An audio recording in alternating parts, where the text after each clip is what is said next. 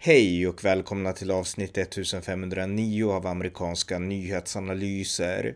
Sveriges enda konservativa USA-podd med mig, Ronny Berggren, som kan stödjas på swishnummer 070-30 28 95 0. Idag har USAs största konservativa konferens, CPAC, just avslutats, som år hölls i Orlando, Florida mellan den 24 och 27 februari. Igår talade tidigare president Donald Trump som sa and we will all continue together to make America great again. We had it done, the election was rigged. They've undone some of it, not all of it. They'll never be able to do all of it because we'll be acting long before they can do all of it. It was up to them. They'd do everything they could to destroy our country. I never knew how important being president was. I was president for four years. I think I did a great job. We did things that nobody could do. But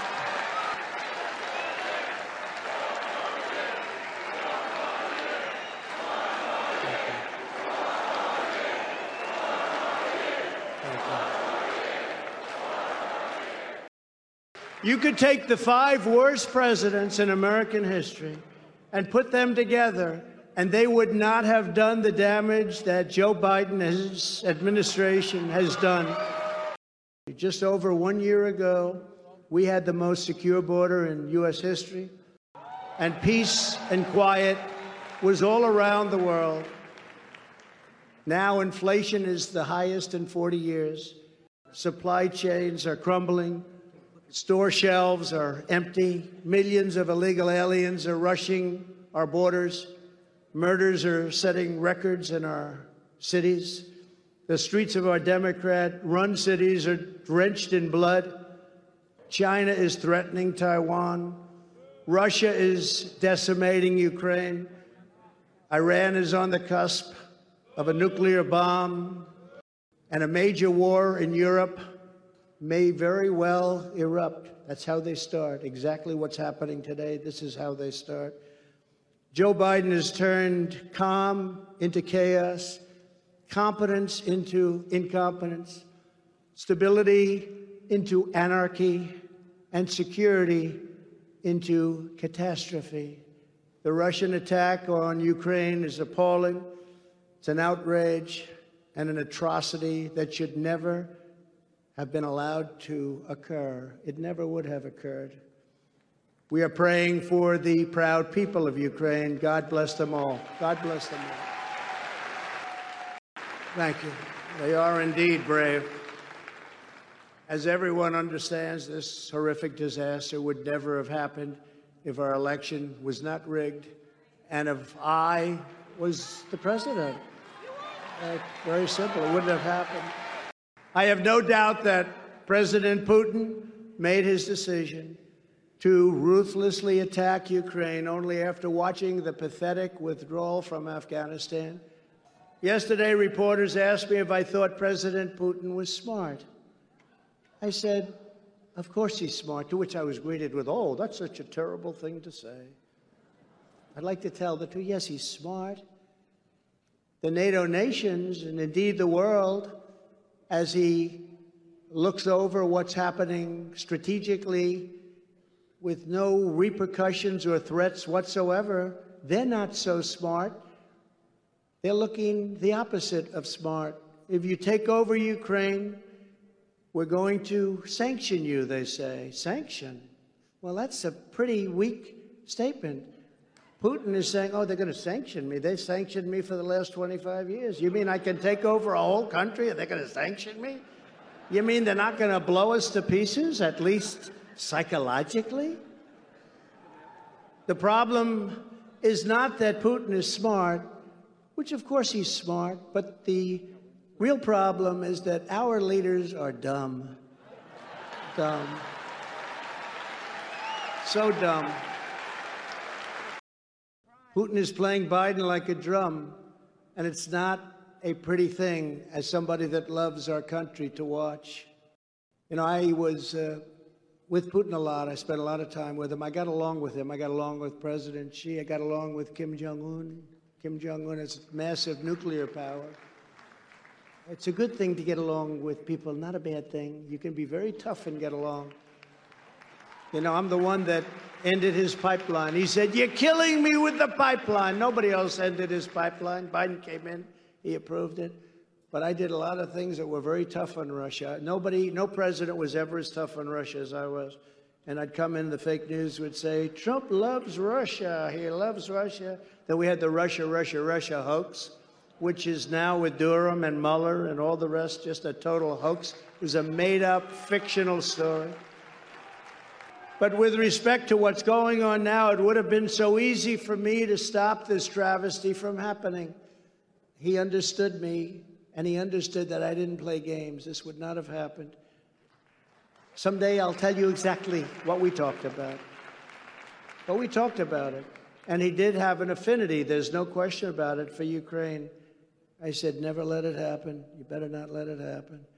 This is the only attack in history where the further he goes and the bigger it gets, and the worse it gets, and the more death that's caused, the more money he makes because oil prices keep climbing higher and higher and higher. There's never been anything like that where a warring nation, the more he makes it difficult to get oil, the more expensive it gets, and the more money he makes.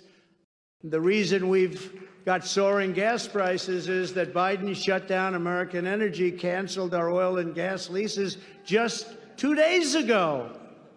Two days ago, they canceled many oil and gas leases because of the environment. It's really unbelievable. And canceled the Keystone XL pipeline that I approved while he enriched Putin by approving the Russian pipeline which has really been at the core of much of the problem we have right now. And I fought Angela. I said, Angela, here is a white flag, happened to be a white napkin that was on my desk. I said, Angela, you can have it. She said, but why, but why? I said, because you're getting 75%, and I think it's higher than that, but it will be. 75% of your energy from Russia. And as you probably know through history, you've had some rather major conflicts with Russia. And if you ever have a conflict with Russia, you will be able to wave the white flag and surrender because they supply your energy. And uh, I knew that would happen. I just never had any idea it was going to happen so fast.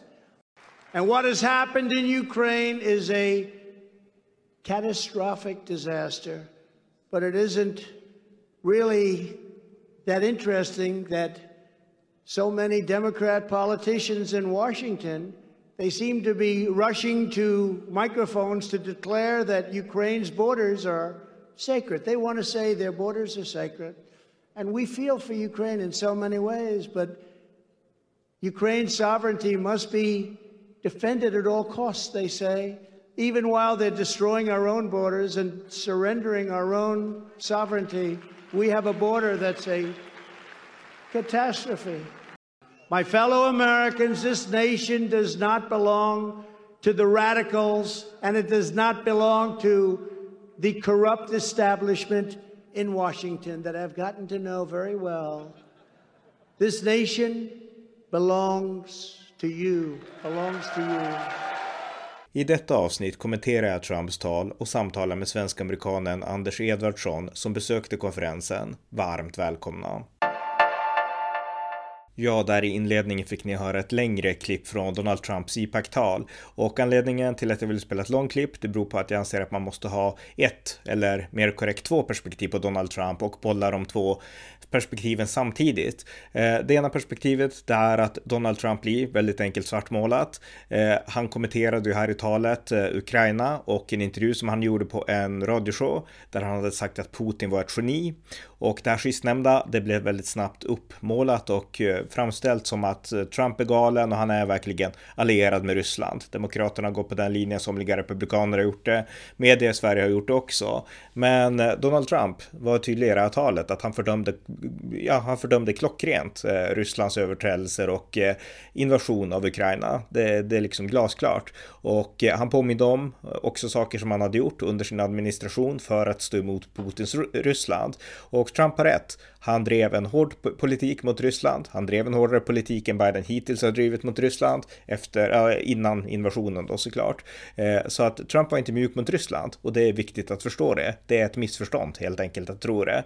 Eh, och det är ett missförstånd och eh, en, ja, ett medvetet missförstånd när man då liksom hela tiden försöker plocka ut saker han säger och liksom fortsätta klistra fast den här Rysslandsstämpel på honom. Så att det är den positiva inputen till Trump i, i förhållande till det här talet. Trump gjorde väldigt mycket bra och det ska han ha cred för.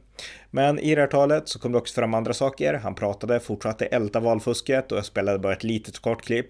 Han pratade om valfusket hela tiden och om Schiffer och de här liksom som han är kritiska till. Och det är problematiskt och eh, han, han var ju också när det gäller även inrikes utrikespolitik så är det ju ingen snack om att han fokuserar på inrikespolitiken mer. Han tycker att USA måste främst värna sina egna angelägenheter och det är inte fel utan det är väl snarare rätt för USAs del skulle jag säga. Men nu har vi fått ett krig i Europa. Europa och USA är de närmsta av allierade och USA måste engagera sig i det som händer i Ukraina nu.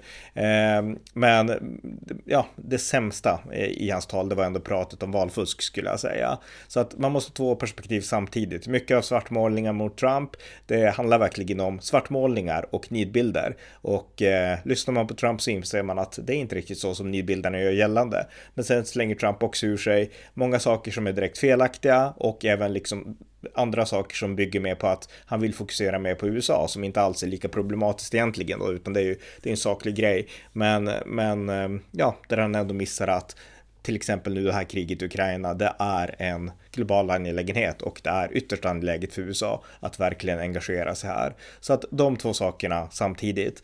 Men det där var ändå en bra sammanfattning av Trumps tal och jag tror inte jag behöver kommentera just det så mycket mer. Där hade ni Trump, han gick hem hos sina anhängare och eh, ja, skulle han vilja positionera sig inför 2024, nu 2022 som gäller först om mellanårsvalen. Men skulle han göra det så skulle han ju såklart ha goda chanser. Han har många liksom av kärnväljarna på sin sida. Eh, och med det sagt så kör vi här en intervju med Anders Edvardsson. Han är eh, akademiker, bor i USA, svensk-amerikan och han var på CPAC och lyssnade på väldigt många tal, fast inte på Trumps tal, men väldigt många andra tal. Så här min intervju med honom. Anders Edvardsson, välkommen! Tackar!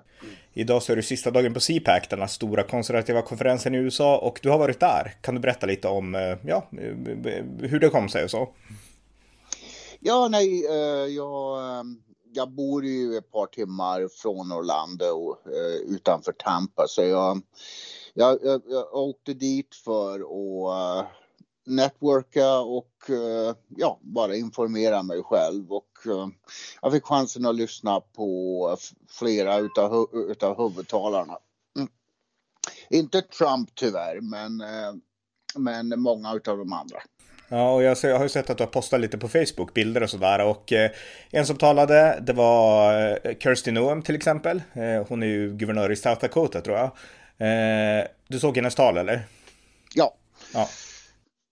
Hon, hon, hon var mycket bra. Ehm, tror att hon, hon är ett framtida, fram, framtida namn för, na, för nationella uppgifter. Mm.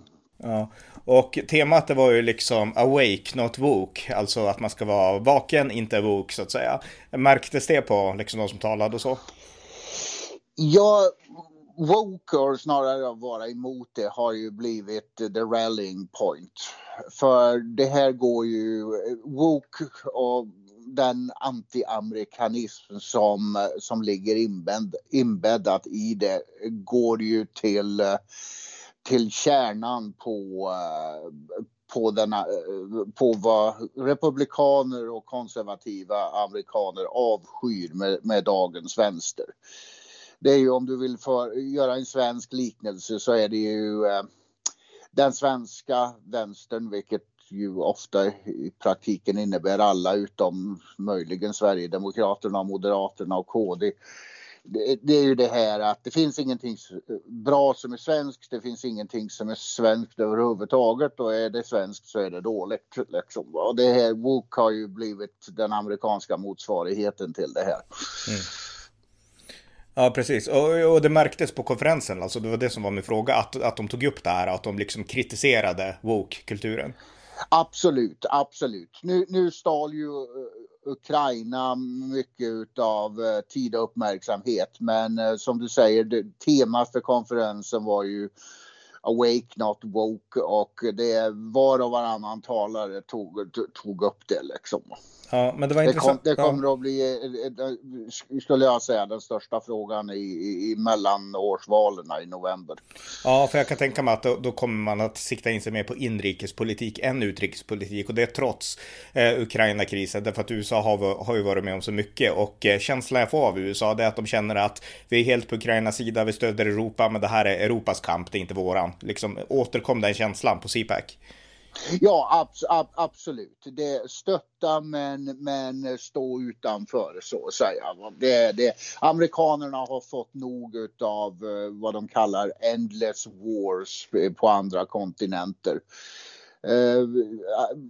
90 eh, procent av amerikanerna skulle jag säga stöttar Ukraina, 110 procent. Men eh, de, de vill inte bli inblandade med, med trupp. Nej. Eh, och en annan som pratade som du också såg, då, det var ju tidigare eh, utrikesminister Mike Pompeo och han, eh, jag förmodar, jag har inte sett hans tal utan det enda tal jag har sett är Trump, men jag förmodar att han pratade kanske mer om Ukraina. Uh, han, hans, hans tal var faktiskt, det var kort och det var bra men, men, men ganska ytligt. Uh, jag, jag, jag, blev lite förvånad över det för jag har varit eh, och, och är en, en, imponerad av honom ofta. Men eh, jag vet inte om han bara hade en dålig dag eller inte hade tyckte inte att han hade tid nog till att gå in på detaljer. Men eh, det, som sagt, han stödjer ju givetvis eh, Ukraina 100 procent som alla andra. Men han, han, gick inte in mycket på detaljer faktiskt. Nej. Och en annan bild som du har lagt ut är på Nigel Farage från Storbritannien, då, den här konservativa politikern. Och han hamnar, mm. har ju hamnat lite i skuggan, dels för att eh, Brexit är över, det är fullbordat och Ukip är ju ingen framgång och The Brexit Party och allt vad han nu har startat, det har, som inte spelar någon roll efter att Brexit har fullbordats. Så att, och han har också haft en lite så här, ibland han har sagt positiva saker om Putin och ibland så har han liksom, ja, backtrackat och sådär. Vad, vad sa han på, här på CPAC? Han, eh, han till att börja med, han, skulle, han är ju en av världens bästa uh, uh, oratorer just nu. Mannen är fantastisk. Mm. Mm. Men han, han, han sa faktiskt att de sista 48 till 72 timmarna så har han uh, omvärderat och konkluderat att, att, att Putin är inte vem Putin brukade vara. Det, det, om man börjar bli gammal eller gaggig eller vad det är.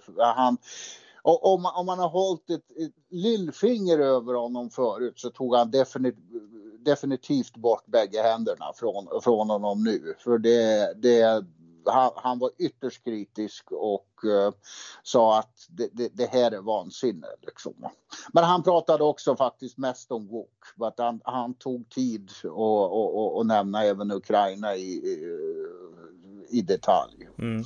Jag har ju sett eh, Trumps tal och han var, det var likadant där. Han fördömde såklart Putin och det har gjorts en grej av att Trump skulle vara Putin-vän. Det är inte sant skulle jag säga. Och Trump var rätt tydlig med liksom att han var extremt kritisk till Putin och att han liksom ja, han hade gjort väldigt mycket rätt och jag delar den liksom bedömningen av Trump. Det är mycket medieretorik att han inte skulle vara det, men däremot var Trump tydlig med att vi i USA, vi måste faktiskt, eh, det stora hotet kommer inifrån, sa Trump och så förklarade han att vi måste säkra, visst ukrainsk gräns är viktig, men för oss är våran gräns mot Mexiko viktigare liksom och sådana här saker. Och som du var inne på så delas nog den synen av de flesta. Men jag vet att du kan ju också väldigt mycket, det har inte med SIPEC att göra, men om kalla kriget och om Sovjetunionen och så. Alltså om, om du i egenskap av expert skulle bara liksom liksom, dina tankar om det som nu sker. Alltså, det här är ju den värsta ja, det värsta intrång i Europa sen, inte, inte sen kalla kriget utan sen andra världskriget. Så att, vad mm. tänker du om det här?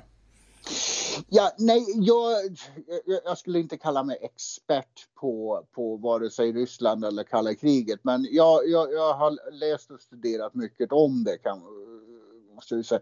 Och från, när, under hela den här processen som har lett upp till den här eh, katastrofen så har jag dragit mig till minnes tre saker jag lärde mig när jag studerade eh, Östeuropakunskap i Uppsala i början på 2000-talet. Och det var, den första var att eh, Putin är en typisk traditionell rysk nationalist.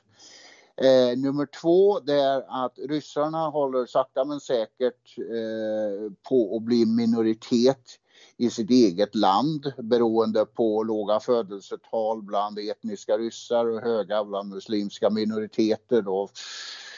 eh, hälsoproblem och, och, och annat. Och det tredje är att eh, Putin är så eh, kallblodig att han skulle inte ha några problem att lösa det andra problemet eh, med det första så att säga. Att ta hem alla rys, miljoner ryssar som, som hamnade i det nära utlandet när Sovjetunionen kollapsade.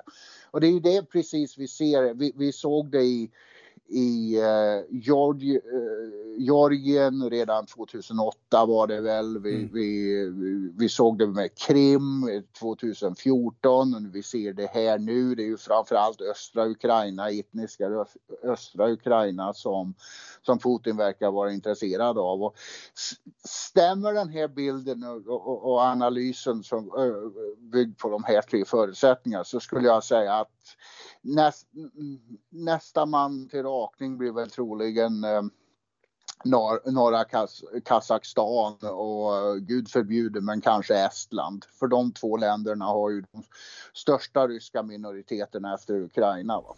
Mm, just det, ja. Så det, det, är ett stort kollektivt hot. Men om vi återvänder till CPEC då, igen en sista sak där då. Det är att vad, vad mer tog du med dig från konferensen? Alltså nätverkar du med många och liksom hur var stämningen? Var det många besökare och sådär?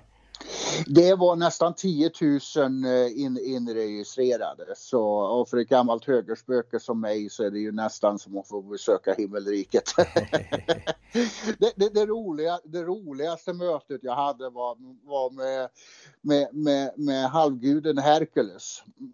Skådespelaren Kevin Sorbo var där. Han är en av de få eh, konservativa och uttalat kristna Eh, skådespelarna i, i Hollywood. Och jag och min fru gick upp till honom och vi, det visade sig att han är gift med en svensk ättling vars uh, hans fru kommer från eh, uh, har familj i Värmland och hon pratar nästan perfekt svenska. Så det, vi, vi fick nästan en, en timme med, med Hercules. Han spelade ju Hercules på, ja. på 90-talet. Jag minns honom mest från Sina, krigarprinsessan. Det där, jag googlade nu ansiktet, det är därifrån jag minns honom. Jag har inte sett Hercules. Han, men... han gjorde några cameos. Okej, okay, det, det, var bara det. Okay. Sina var ju en spin-off Eh, tror jag på, eh, på Hercules. Okej. Okay. Ja, eh, just det. Ja, nej men vad intressant. Eh, ja, och eh, är det något mer du liksom vill berätta om CPAC eller något som, som kan vara värt att framföra? Nej, det, det jag kan säga det är ju det, allting. Ja, som sagt, Ukraina tog ju mycket av luften i rummet så att säga just nu. Va? Men det är ju annars är ju allting inriktat på mellanårsvalet i, i november nu och alla verkar, man håller andan men jag, alla verkar vara eh, övertygade om att det kommer att innebära ett historiskt nederlag för, för Demokraterna i både huset och senaten. Den enda frågan är hur stort? Mm. Det, blir det en, ett normalt landslide eller blir det, blir det ett historiskt landslide så att säga? Det, men det, det vet vi. Det, som sagt, krig ekonomiska katastrofer. Eh, det, det är, sex, åtta månader i politiken är ju en evighet. Liksom. Mm. Så mycket kan ju ändras. Men det är det som, som är i fokus eh, nu vid sidan av Ukraina. Mm. Mm, just det. Ja, men tack så mycket. Tack, så, tack själv. Det var avsnitt 1509 av amerikanska nyhetsanalyser. En konservativ podcast som kan stödjas på swishnummer 070-30 28 95 0 eller via hemsidan på Paypal, Patreon eller bankkonto. Det var allt för den här gången. Tack för att ni har lyssnat.